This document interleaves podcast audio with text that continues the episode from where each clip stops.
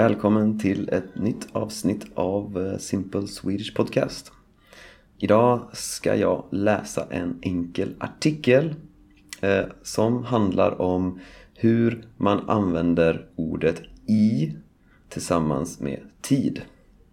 Detta är något som eh, många gör fel och, och är förvirrade med. Eh, så jag förklarar exakt hur man använder det här eh, i den här artikeln. Ehm, och om du vill eh, läsa hela den här artikeln eh, och också alla andra transkript och artiklar då kan du bli Patreon. Just nu kostar det bara 5 dollar per månad. Och någon som har gjort det är Eda Pam vänta, förlåt. Eda Pamuksuzer.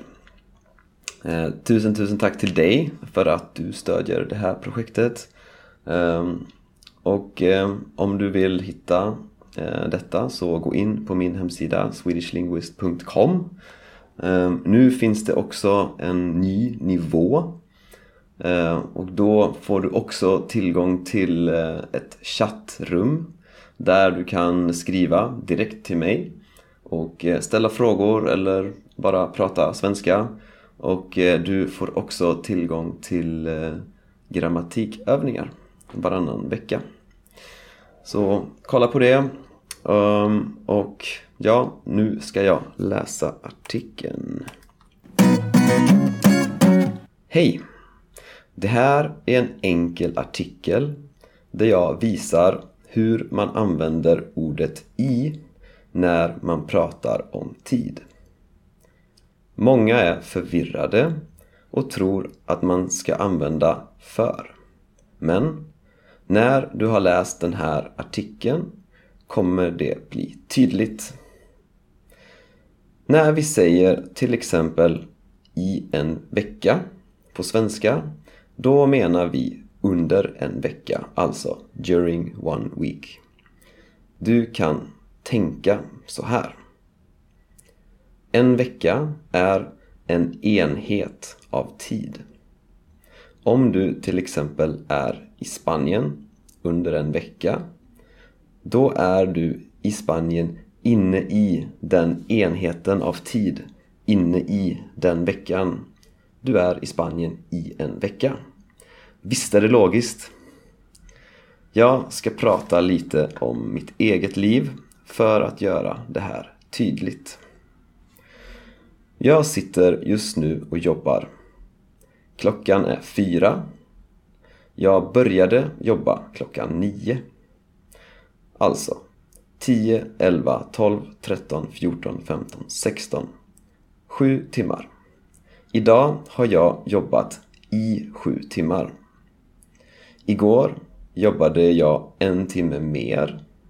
Jag jobbade alltså i åtta timmar. Imorgon ska jag jobba lite mindre.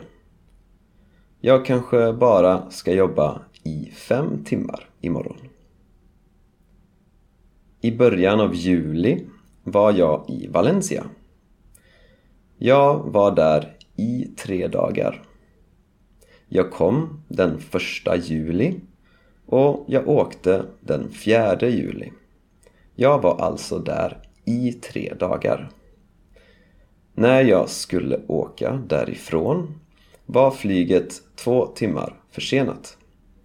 Det skulle gå klockan sex, men det gick klockan åtta istället. Jag behövde vänta på flyget i två timmar till. Innan jag var i Valencia var jag i Portugal. Jag kom dit i mars. Jag åkte därifrån i juli. April, maj, juni, juli. Det är fyra månader. Jag var i Portugal i fyra månader. Förra gången jag var i Portugal var jag bara där i en vecka. Efter jag var i Valencia åkte jag till Sverige. Jag är fortfarande i Sverige. Men nu är det augusti. Jag har nu varit i Sverige i en månad. Jag planerar att stanna i Sverige i tre månader till. Men, vem vet? Jag kanske stannar i Sverige i hela mitt liv. Jag hoppas att det är tydligt nu. Öva gärna med att svara på de här frågorna.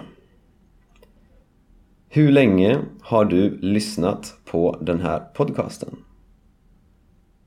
Hur länge har du varit i det landet du är i? Hur länge sov du i natt? Hur länge ska du vara på platsen du är på nu? Hur länge ska du vara på ditt nästa resmål? Ja, det var det. Jag hoppas att eh, den artikeln eh, gjorde det här tydligt.